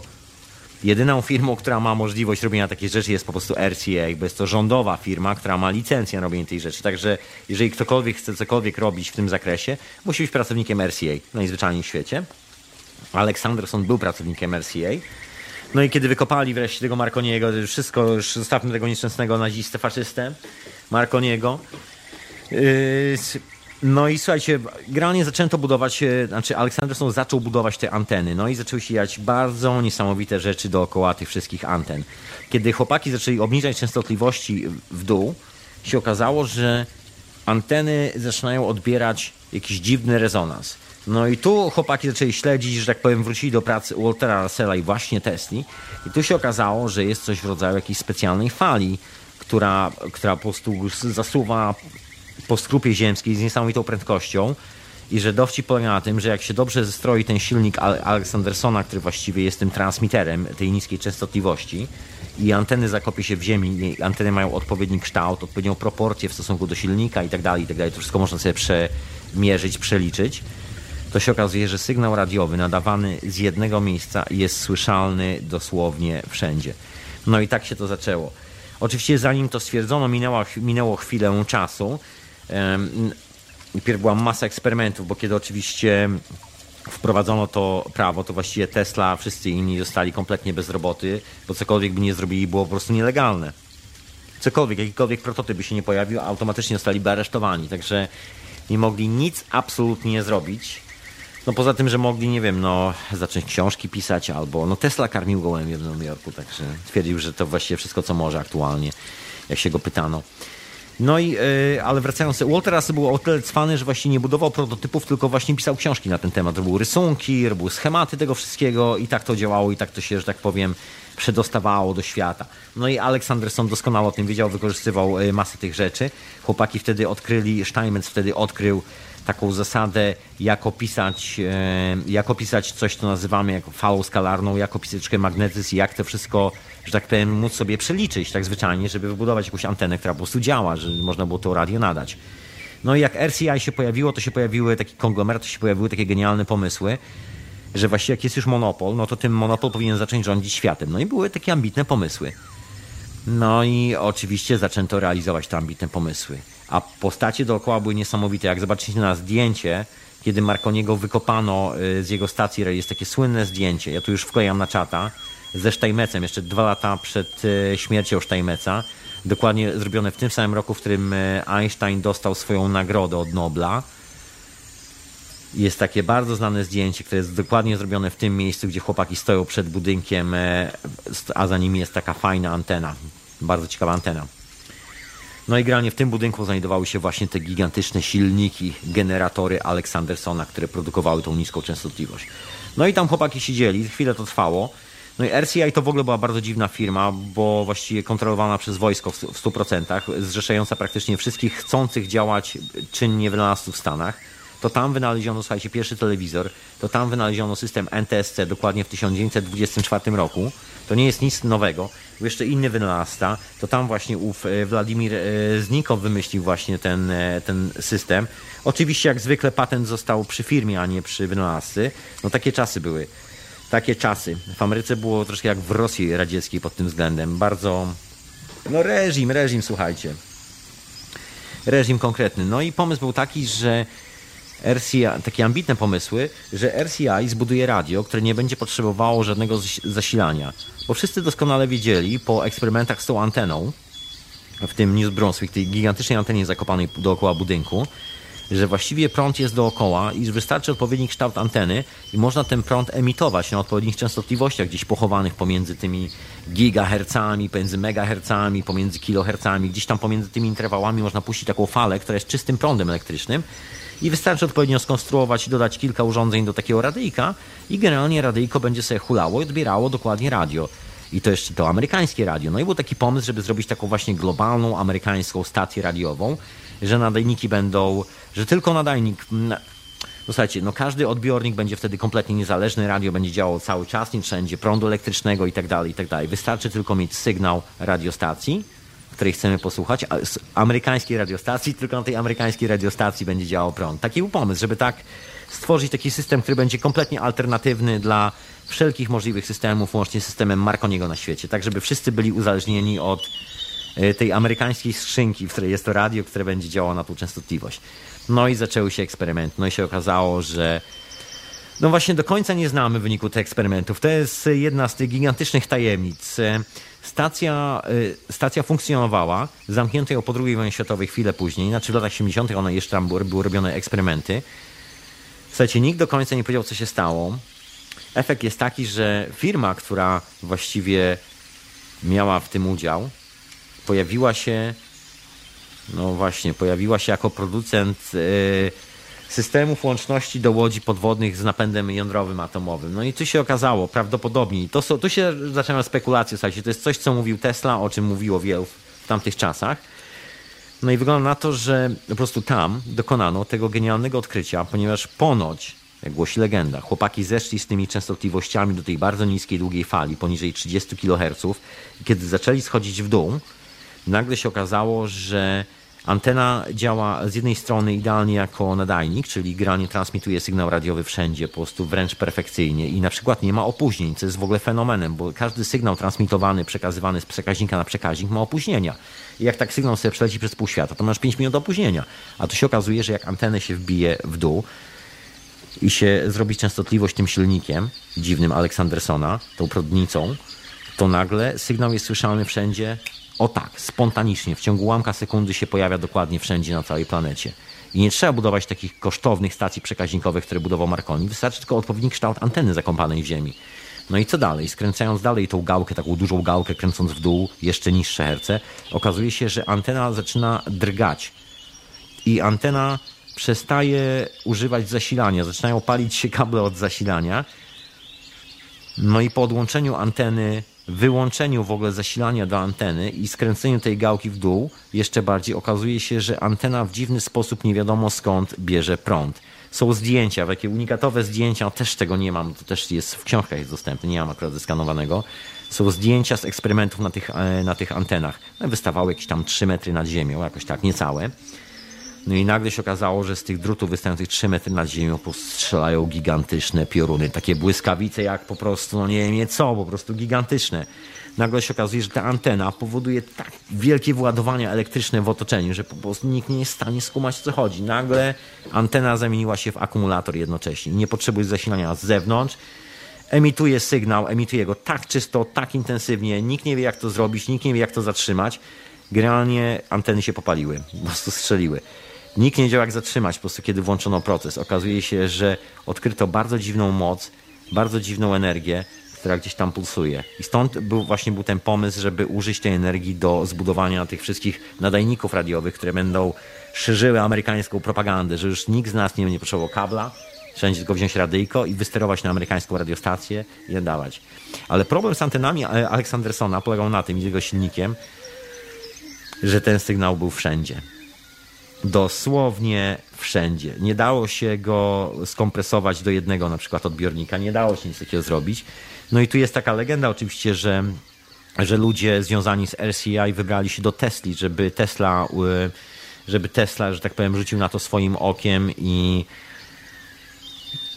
żeby udało się tą e, transmisję troszkę ukierunkować, ją ograniczyć, bo się okazuje, że po prostu no, jest to, że taka normalna transmisja jest po prostu nielimitowana. Wystarczy sobie ustawić dowolną częstotliwość, którą chcemy. Oczywiście limit tych częstotliwości jest gigantyczny, właściwie nie ma limitu, bo można ich emitować co pół częstotliwości sobie wchodzić albo coś tam. Zależy jak precyzyjnie jest ten sygnał i precyzyjnie jest odbiornik tego sygnału.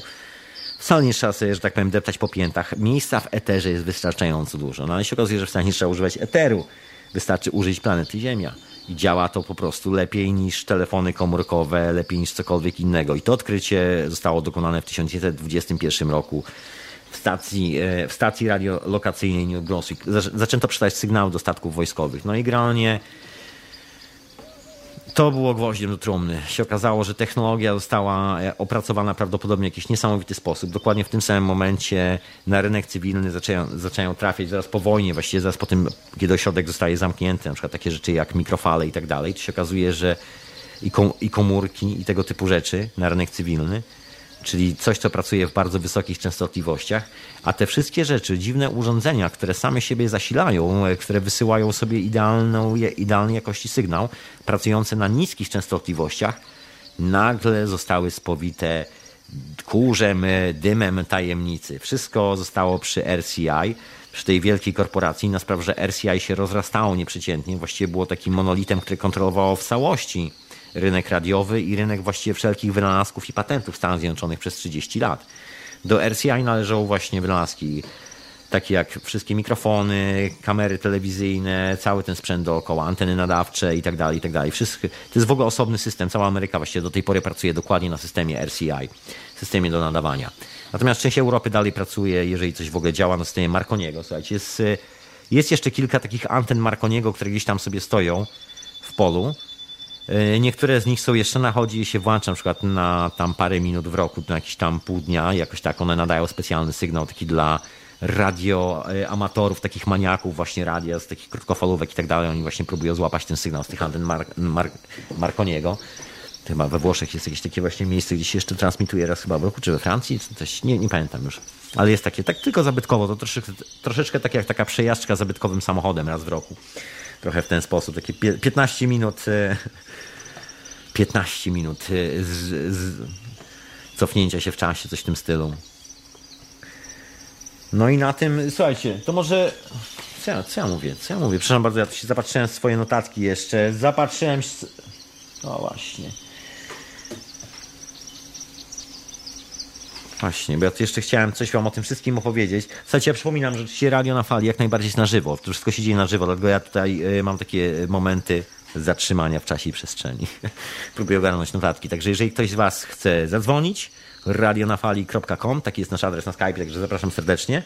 No a tu opowiadam dalej tą historyjkę troszkę o, o tych wszystkich początkach, y, właściwie końcach radia. No bo jak się okazało, te wszystkie częstotliwości były i to, że wzięła się za to armia, były po prostu gwoździem do trumny radia. I do dzisiaj, słuchajcie, do dzisiaj tak naprawdę, jeżeli ktokolwiek z nas chciałby transmitować jakikolwiek sygnał, na przykład niskiej częstotliwości, wybudować sobie troszkę większą antenę, czy ją zakopać w ziemi, czy cokolwiek, to właściwie każdy z nas, gdziekolwiek jest na świecie, musi mieć licencję do tego. Czyli właściwie do tej pory wygląda na to, jak prawo jest tak skonstruowane, żeby zabezpieczyć e, te duże korporacje, tudzież nie wiem kogo, przed tym, żebyśmy nie wrócili do tych czasów Tesli i czasów e, Waltera Russella, czasów Steinmetza i nie zaczęli budować sobie zbyt dużych urządzeń, takich co najwyżej możemy w ogrodzie wybudować, ale też nie urządzenie, które emituje na przykład jakieś częstotliwości, ponieważ jeżeli nas wychwycą na tych częstotliwościach, to musimy zapłacić karę za to, że emitujemy coś w eter, który oficjalnie nie istnieje, ale według prawa istnieje. To też taki jest fenomen.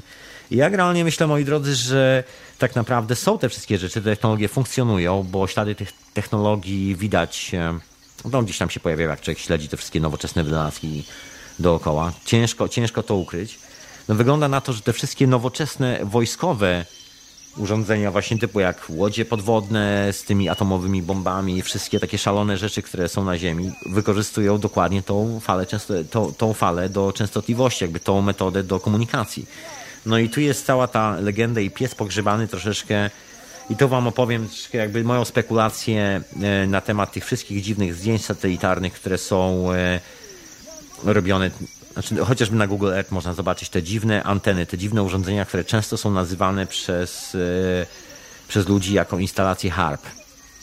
czyli do zmian pogody i tak dalej, i tak dalej. Znaczy harp to nie jest do zmiany pogody, harp to jest po prostu, ach, już czytam oryginalną angielską e, e, nazwę, e, czyli to jest high frequency, o, aż muszę rzucić na internet, słuchajcie, muszę rzucić na internet. Już wam, już wam mówię, ok. High, dokładnie, High Frequency Active e, Auroral Research Program, tak się nazywało. Dokładnie. No i te anteny, moi drodzy, to nie jest, e, przynajmniej taka jest moja refleksja, to nie są wcale jakieś tam specjalne anteny, jeżeli się przyjrzymy, jak są zbudowane. To nie są właśnie zmiany pogody, to nie są żadne harpy, żadne takie drobienia błyskawic, ani nic z tych rzeczy. Nic, absolutnie. To są dokładnie anteny y, niskich częstotliwości i gdzieś tam prawdopodobnie w tych budynkach, które gdzieś tam są obok tych anten, stoją takie już bardziej zaawansowane silniki, właściwie nie tyle silniki, to są właśnie takie generatory Aleksandersona, które produkują jakieś bardzo dziwne, niskie częstotliwości, których my możemy w ogóle nie słyszeć, bo to już jest gdzieś tak poza wszystkim. A te częstotliwości są takie, że tak powiem, neutralne dla świata, bo wcale nie trzeba może tak, wcale nie trzeba robić specjalnie nowej częstotliwości, wystarczy skorzystać z częstotliwości Schumana, które są wszędzie dookoła na świecie, Cała, cały globus tymi częstotliwościami rezonuje. I teraz wystarczy wprasować pomiędzy kilka częstotliwości Schumana, znaleźć ten właściwy interwał, czyli kiedy jedna częstotliwość mija drugą i do kolejnego momentu, się, kiedy się będą mijały, czyli pomiędzy, pomiędzy dwoma zakrętami, znaleźć ten moment pomiędzy dwoma zakrętami i wrzucić tam, zakompresować kawałek naszego sygnału i to wszystko. I nagle się okazuje, że możemy w ten sposób, używając te, tego fenomenu częstotliwości Schumana, przekazywać sygnał bez żadnych strat w czasie, bez żadnych strat jakości, praktycznie przez całą planetę w, dowolny, w dowolnym kierunku. To jest w ogóle niesamowite. I wygląda na to, że te wszystkie bazy, te, y, te o których się mówi, że są HARP, że to są właśnie do robienia pogody i tak dalej, że to są tak najzwyczajniej w świecie po prostu zwykłe anteny radiolokacyjne, którymi na przykład y, komunikują się łodzie z napędem jądrowym, wszystkie tego typu historie. To są właśnie te bazy, które się znajdują między innymi na, na przykład e, w Gakonie, na Alasce, takie bardzo specyficzne anteny. Te wszystkie, jakby po czym poznać, e, że to jest konstrukcja Aleksandersona, czy po czym jakby takie przypuszczenia bardzo łatwo jest wysnuć, chociażby po kształcie, anten, chociażby po tym, jak są ukierunkowane, że są z reguły ukierunkowane dokładnie z biegunami e, Ziemi, że są też zlokalizowane w specyficznym miejscu, gdzie na przykład rozładowanie elektryczne jest bardzo łatwe w gruncie. Jest kilka takich czynników, które powodują, że po prostu bardzo łatwo. Jeżeli wiecie o co chodzi, to nagle łapiecie po prostu, jak sprawy się mają. Ale tylko tak dokończę jeszcze szybko taki fenomen tej całej sytuacji polega na tym, że po latach tak czy siak firma Marconiego została wykupiona przez y, Amerykanów i właściwie firma Marconiego teraz się nazywa BEA e, Advanced Technology, to się nazywa BEAT, czy jakoś tak. I to jest firma właśnie, która y, robi oprogramowanie, właściwie sprzęt do łodzi atomowych i nie tylko, służący po prostu do namierzania tego wszystkiego i do komunikacji pomiędzy tym wszystkim. Czyli wygląda na to, że tajemniczy wynalazek Tesli, e, Aleksandersona, te niesamowite historie związane z tą tajemniczą falą, która gdzieś tam propaguje po, po Ziemi i że można tą falę wykorzystywać. Że nie trzeba już nic nowego robić tak naprawdę, trzeba tylko po prostu wskoczyć, wskoczyć na tą falę i można na niej płynąć po całej e, planecie w tą i w tamtą, bez żadnych strat czasowych, bez niczego, po prostu do oporu nie ma żadnych limitów. Na dodatek jeszcze można prąd z tego brać do oporu, także nadajnik e, nie musi mieć dodatkowego źródła zasilania, bo e, i odbiornik tak samo, także mogą po prostu korzystać z tego, co się, z tego normal, fenomenu po prostu, który występuje w naturze taki dowcip. No i RCI planowało to zrobić. E, tam są legendy, że RCI zbudowało, słuchajcie, takie radia, które same, same sobie grają, nie mają żadnego akumulatora, nie trzeba wkładać w gniazdko ani nic z tych rzeczy. Takie normalne radia FM, takie w drewnianych skrzynkach jeszcze w latach dwudziestych. No ale to to w ogóle tajemnica, to głęboko jest mocno zakopane, to nikt ma o tym nie wiedzieć. W ogóle się nie wydarzyło, słuchajcie.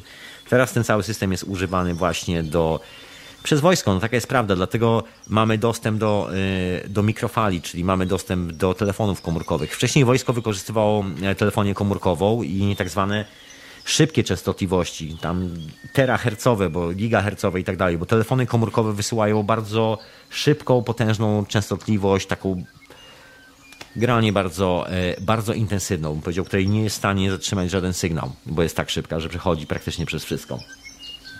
Natomiast y, te niskie częstotliwości w sensie też mają tą charakterystykę, że przechodzą przez wszystko, bo one właściwie nic nie jest w stanie tego zatrzymać, tylko że to już jest po prostu zupełnie w drugą stronę. To jest tak skonstruowane, że żadne urządzenie, które właściwie posiadamy w domu, nie jest w stanie wychwycić tego sygnału, że, żeby w ogóle skumać komunikację na przykład militarną, y, cokolwiek się dzieje w tym paśmie, byśmy musieli mieć urządzenia, no, które są dostępne tylko i wyłącznie dla y, załogi na przykład statków wojskowych, bo generalnie te urządzenia echolokacyjne, radiolokacyjne są do tej pory wykorzystywane na niskich częstotliwościach przez wojsko. Także to, jeżeli ktoś z Was chce na przykład mieć takie, takie radio, to najlepiej jakby e, to najlepiej szukać na demobilu wojskowe graty, po prostu radia niskich częstotliwości, nadajniki niskich częstotliwości, anteny do tego i wszystkie tego typu historie.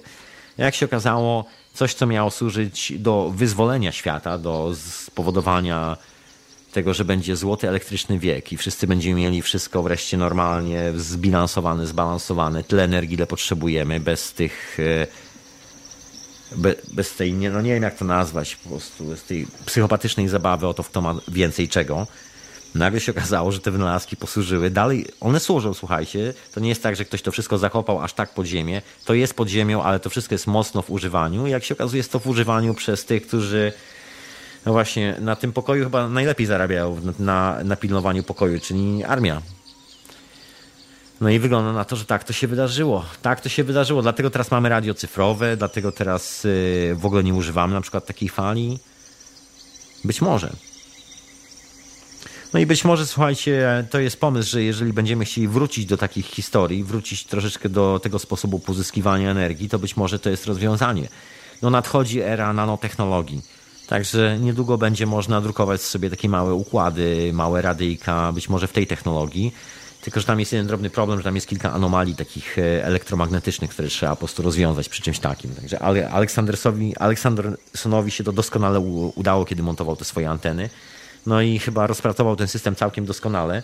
Właściwie przez całe życie chyba pracował dla RCA, a RCA te, te patenty jakby no, dzieliło razem z wojskiem, no bo to właściwie ta sama firma.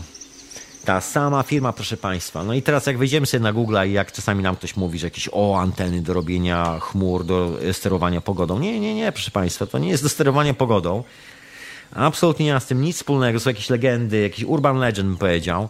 Nic, nic moi drodzy. To są, to są zwykłe anteny Aleksandersona. To, co widzimy na zewnątrz, znaczy na górze, to są takie na przykład bardzo E, bardzo fajne, takie fraktalne struktury. To są te wystające części anten, a pod spodem są jeszcze zakopane kable pomiędzy tymi antenami i to, co się tak naprawdę dzieje, to się dzieje pod ziemią.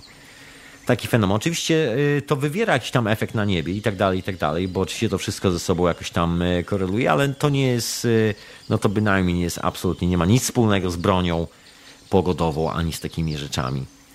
Chociaż może w tych czasach ktoś wpadł na pomysł, jak wykorzystując na przykład taką antenę, taki nadajnik, wysyłać jakiś taki rezonans, który powoduje trzęsienie ziemi w którymś miejscu. Kto to wie, kto to wie. No Tesla potrafił ponoć robić takie rzeczy. Także no, y, jasna sprawa, że nie jest to tak, że ta technologia została zasypana, leżała i nikt się tym nie zajmował. Prawda jest taka, że wojsko cały czas, y, no może nie całe wojsko, ale wielu wiele wojskowych laboratoriów na świecie generalnie siedzi nad tym, próbuje to rozkminić, próbuje to zrozumieć, próbuje to wykorzystać do swoich własnych celów. W sumie tak samo jak my w tym momencie. Próbujemy to zrozumieć i zastanowić się, jak przypadkiem wykorzystać coś takiego do zrozumienia w lepszy sposób świata. Być może ktoś z nas nagle dozna iluminacji i proszę Państwa, wybuduje jakąś taką maszynę właśnie z stylu Tesli, która będzie wykonywała takie niesamowite historie. No właśnie, no właśnie. Słuchajcie, zobaczymy. No może przed nami, może przed nami będzie wreszcie powrót do czasów, e, do czasów, nie wiem, sprawdzenia tego, co się tam kryło w, tym, w tych niskich częstotliwościach. Tego, o czym mówili wszyscy ci wynalazcy z XIX i XVIII wieku. Przynajmniej większa, znakomita część z nich budujące swoje prototypy oparte właśnie na takich, na takich radiowych rzeczach. Pamiętacie historię z Koralowym Zamkiem? Zapraszam wszystkich do galerii, do y, odcinka o Koralowym Zamku, gdzie Kamil opowiada w ogóle swoje wrażenia, właśnie to, jak tam było i generalnie są zdjęcia w galerii. I przyjrzyjcie się na to, co Ed Leckin, co on tam miał. On tam miał po prostu praktycznie dwa takie rozebrane, rozebrane radia lampowe z cewkami, transformatorami. generatorami, on to sobie generalnie sprawdzał, kombinował z magnesikami, sprawdzał, żeby dobrać właściwą częstotliwość. Wygląda na to, że to nie jest wcale aż tak mocno skomplikowane, jak się nam wydaje. To po prostu nam się troszkę o tym po prostu nie mówi. Może takie po prostu czasy, że trzyma się to troszeczkę gdzieś tam z boku, żebyśmy przypadkiem nie zaczęli grzebać e, swoimi myślami, pomysłami gdzieś w tym, e, w tym rejonie, żebyśmy wszyscy szli w zupełnie innym kierunku. A to może trzeba się zatrzymać, trzeba lutownicę wziąć do ręki i z całym tym swoim oświeceniem duchowym i cokolwiek tam jest, po prostu wziąć troszkę podręczników i słuchajcie, lutownicę do ręki i troszkę po, polutować, zobaczyć, co z tego będzie. Słuchajcie, no wizja, wszyscy ci kolesie, znaczy Tesla i wszyscy ci kolesie mi mówili, że to wszystko przychodziło do nich w wizjach, że to jest naprawdę taki materiał, że jak z innej planety, także słuchajcie, może to jest przyszłość, może to jest przyszłość. To jest przyszłość substancji psychoaktywnych, także ja, ja wniosek na dziś, moi drodzy, i wniosek po tym tryptyku z prądem elektrycznym, z tymi częstotliwościami, z tymi wynalazkami, hercami, teslami, Steinmetzami, Russellami i całą tą resztą, to jest taki, że może że dobrze by byłoby połączyć przyjemne z pożytecznym, czyli lutownicę z, jakimś, e, z, jakąś substancją psychoaktywną. Może nie naraz, żeby nie lutować po kwasie na przykład, może to nie jest dobry pomysł. Odradzam, słuchajcie, odradzam. Wszystkim LSD jest nielegalne, przypominam. Jeszcze jest, jeszcze jest nielegalne, tylko jeszcze. Do jutra. Jutro będzie już legalne. Yy, także, słuchajcie, no nie wiadomo, no. Może to jest rozwiązanie. Może to jest rozwiązanie. Także słuchajcie, sprawdzajcie, czy nie macie jakichś lutownicy, jakichś schemacików do robienia i słuchajcie, to jest metoda. A jakby co, to po jakiegoś kwasika, po jakieś wizje, pomyślcie troszkę na tym, nad tymi falami, nad tym, jak chłopaki to robili. Słuchajcie, jest to możliwe. Jest to możliwe, działa, mamy na to dokumentację, te budynki dalej stoją. Ta największa e, antena Aleksandersona w New Brunswick jest dalej zakopana w ziemi, to jest tuż nad San Francisco. Jeżeli ktoś mieszka w San Francisco, może się wybrać. Jakieś jest jakieś 4-3 godziny jazdy, jak spokojnie San Francisco. Trzeba objechać cały cypel na górę. Można tam dojechać samochodem, także do tej pory stoją resztki anten. Do tej pory można się tam wpiąć miernikiem i pomierzyć to wszystko. Wygląda to niesamowicie. Wow. Także słuchajcie, działa działa, jest używane, jest w użyciu, nie jest to żadnym, żadnym science fiction, nie jest to żadne fantazy, jest to jak najbardziej działająca technologia, robi niesamowite rzeczy, nie mamy do niej dostępu, nikt nam nie chce o niej za bardzo mówić, wszyscy tak udają, że jej po prostu nie ma tutaj, że sobie gdzieś wyszła, ale wcale nigdzie sobie nie poszła, wcale nigdzie sobie nie wyszła, jest tu na miejscu, ja wam o niej mówię. Także słuchajcie, za lutownicę, moi drodzy, i sprawdzać. Może, może któremuś z nas coś wreszcie wyjdzie z tego. No mi tam czasami coś wychodzi z tego wszystkiego lutowania, także no, zapraszam. Niech więcej ludzi lutuje. Im więcej nas, tym lepiej. Tyle chciałem powiedzieć. O, o tym prądzie elektrycznym. A jeszcze będę wracał do tego prądu elektrycznego, bo przy nim jest e, masa różnych ciekawostek, ale na jakiś czas zrobię przerwę, moi drodzy, także dziękuję bardzo serdecznie za słuchanie tych wszystkich niesamowitych opowieści o prądzie elektrycznym. Mam nadzieję, że poczuliście, jak prąd przechodzi przez Was i bardzo dobrze. Bardzo dobrze, bardzo dobrze. Także dziękuję bardzo serdecznie. Pozdrawiam wszystkich sponsorów audycji. Zapraszam wszystkich tych, którzy jeszcze sponsorami nie są. Sponsorujcie, moi drodzy, na tych, którzy wpłacą tą sumę. Czeka nagroda, która zostanie wysłana pocztą, bo zawsze jest wysłana pocztą, jak każda nagroda zresztą. Także zapraszam do wspierania. Ja przypominam, że hiperprzestrzeń jest nadawana oczywiście w radio na fali, jest to matczyne radio dla hiperprzestrzeni, ale oprócz tego jest retransmitowana w Radio Paranormalium. Także proszę sprawdzać też Radio Paranormalium. Yy, oczywiście zapraszam do Teorii Chaosu w piątek o godzinie 24 w każdy piątek. Zapraszam na DJ Avelona w środę o godzinie 20 i w piątek o godzinie 20. I zapraszam na tę, no oczywiście na dokładkę zapraszam oczywiście, gdzie mówię o pieniądzach, tylko o pieniądzach. Tam liczy się tylko kasa. E, dokładka oczywiście w środę o godzinie 22 polskiego czasu. No, oczywiście w czwartek DJ Skóra. No i genialna muzyka, moi drodzy, także nie zapomnijcie o tym, nie zapomnijcie. Że jest to radio, którego powinniście słuchać. Powinniście cały czas słuchać. Także dziękuję bardzo za słuchanie. To była dzisiejsza hiperprzestrzeń. Niech kosmos pozostanie z wami.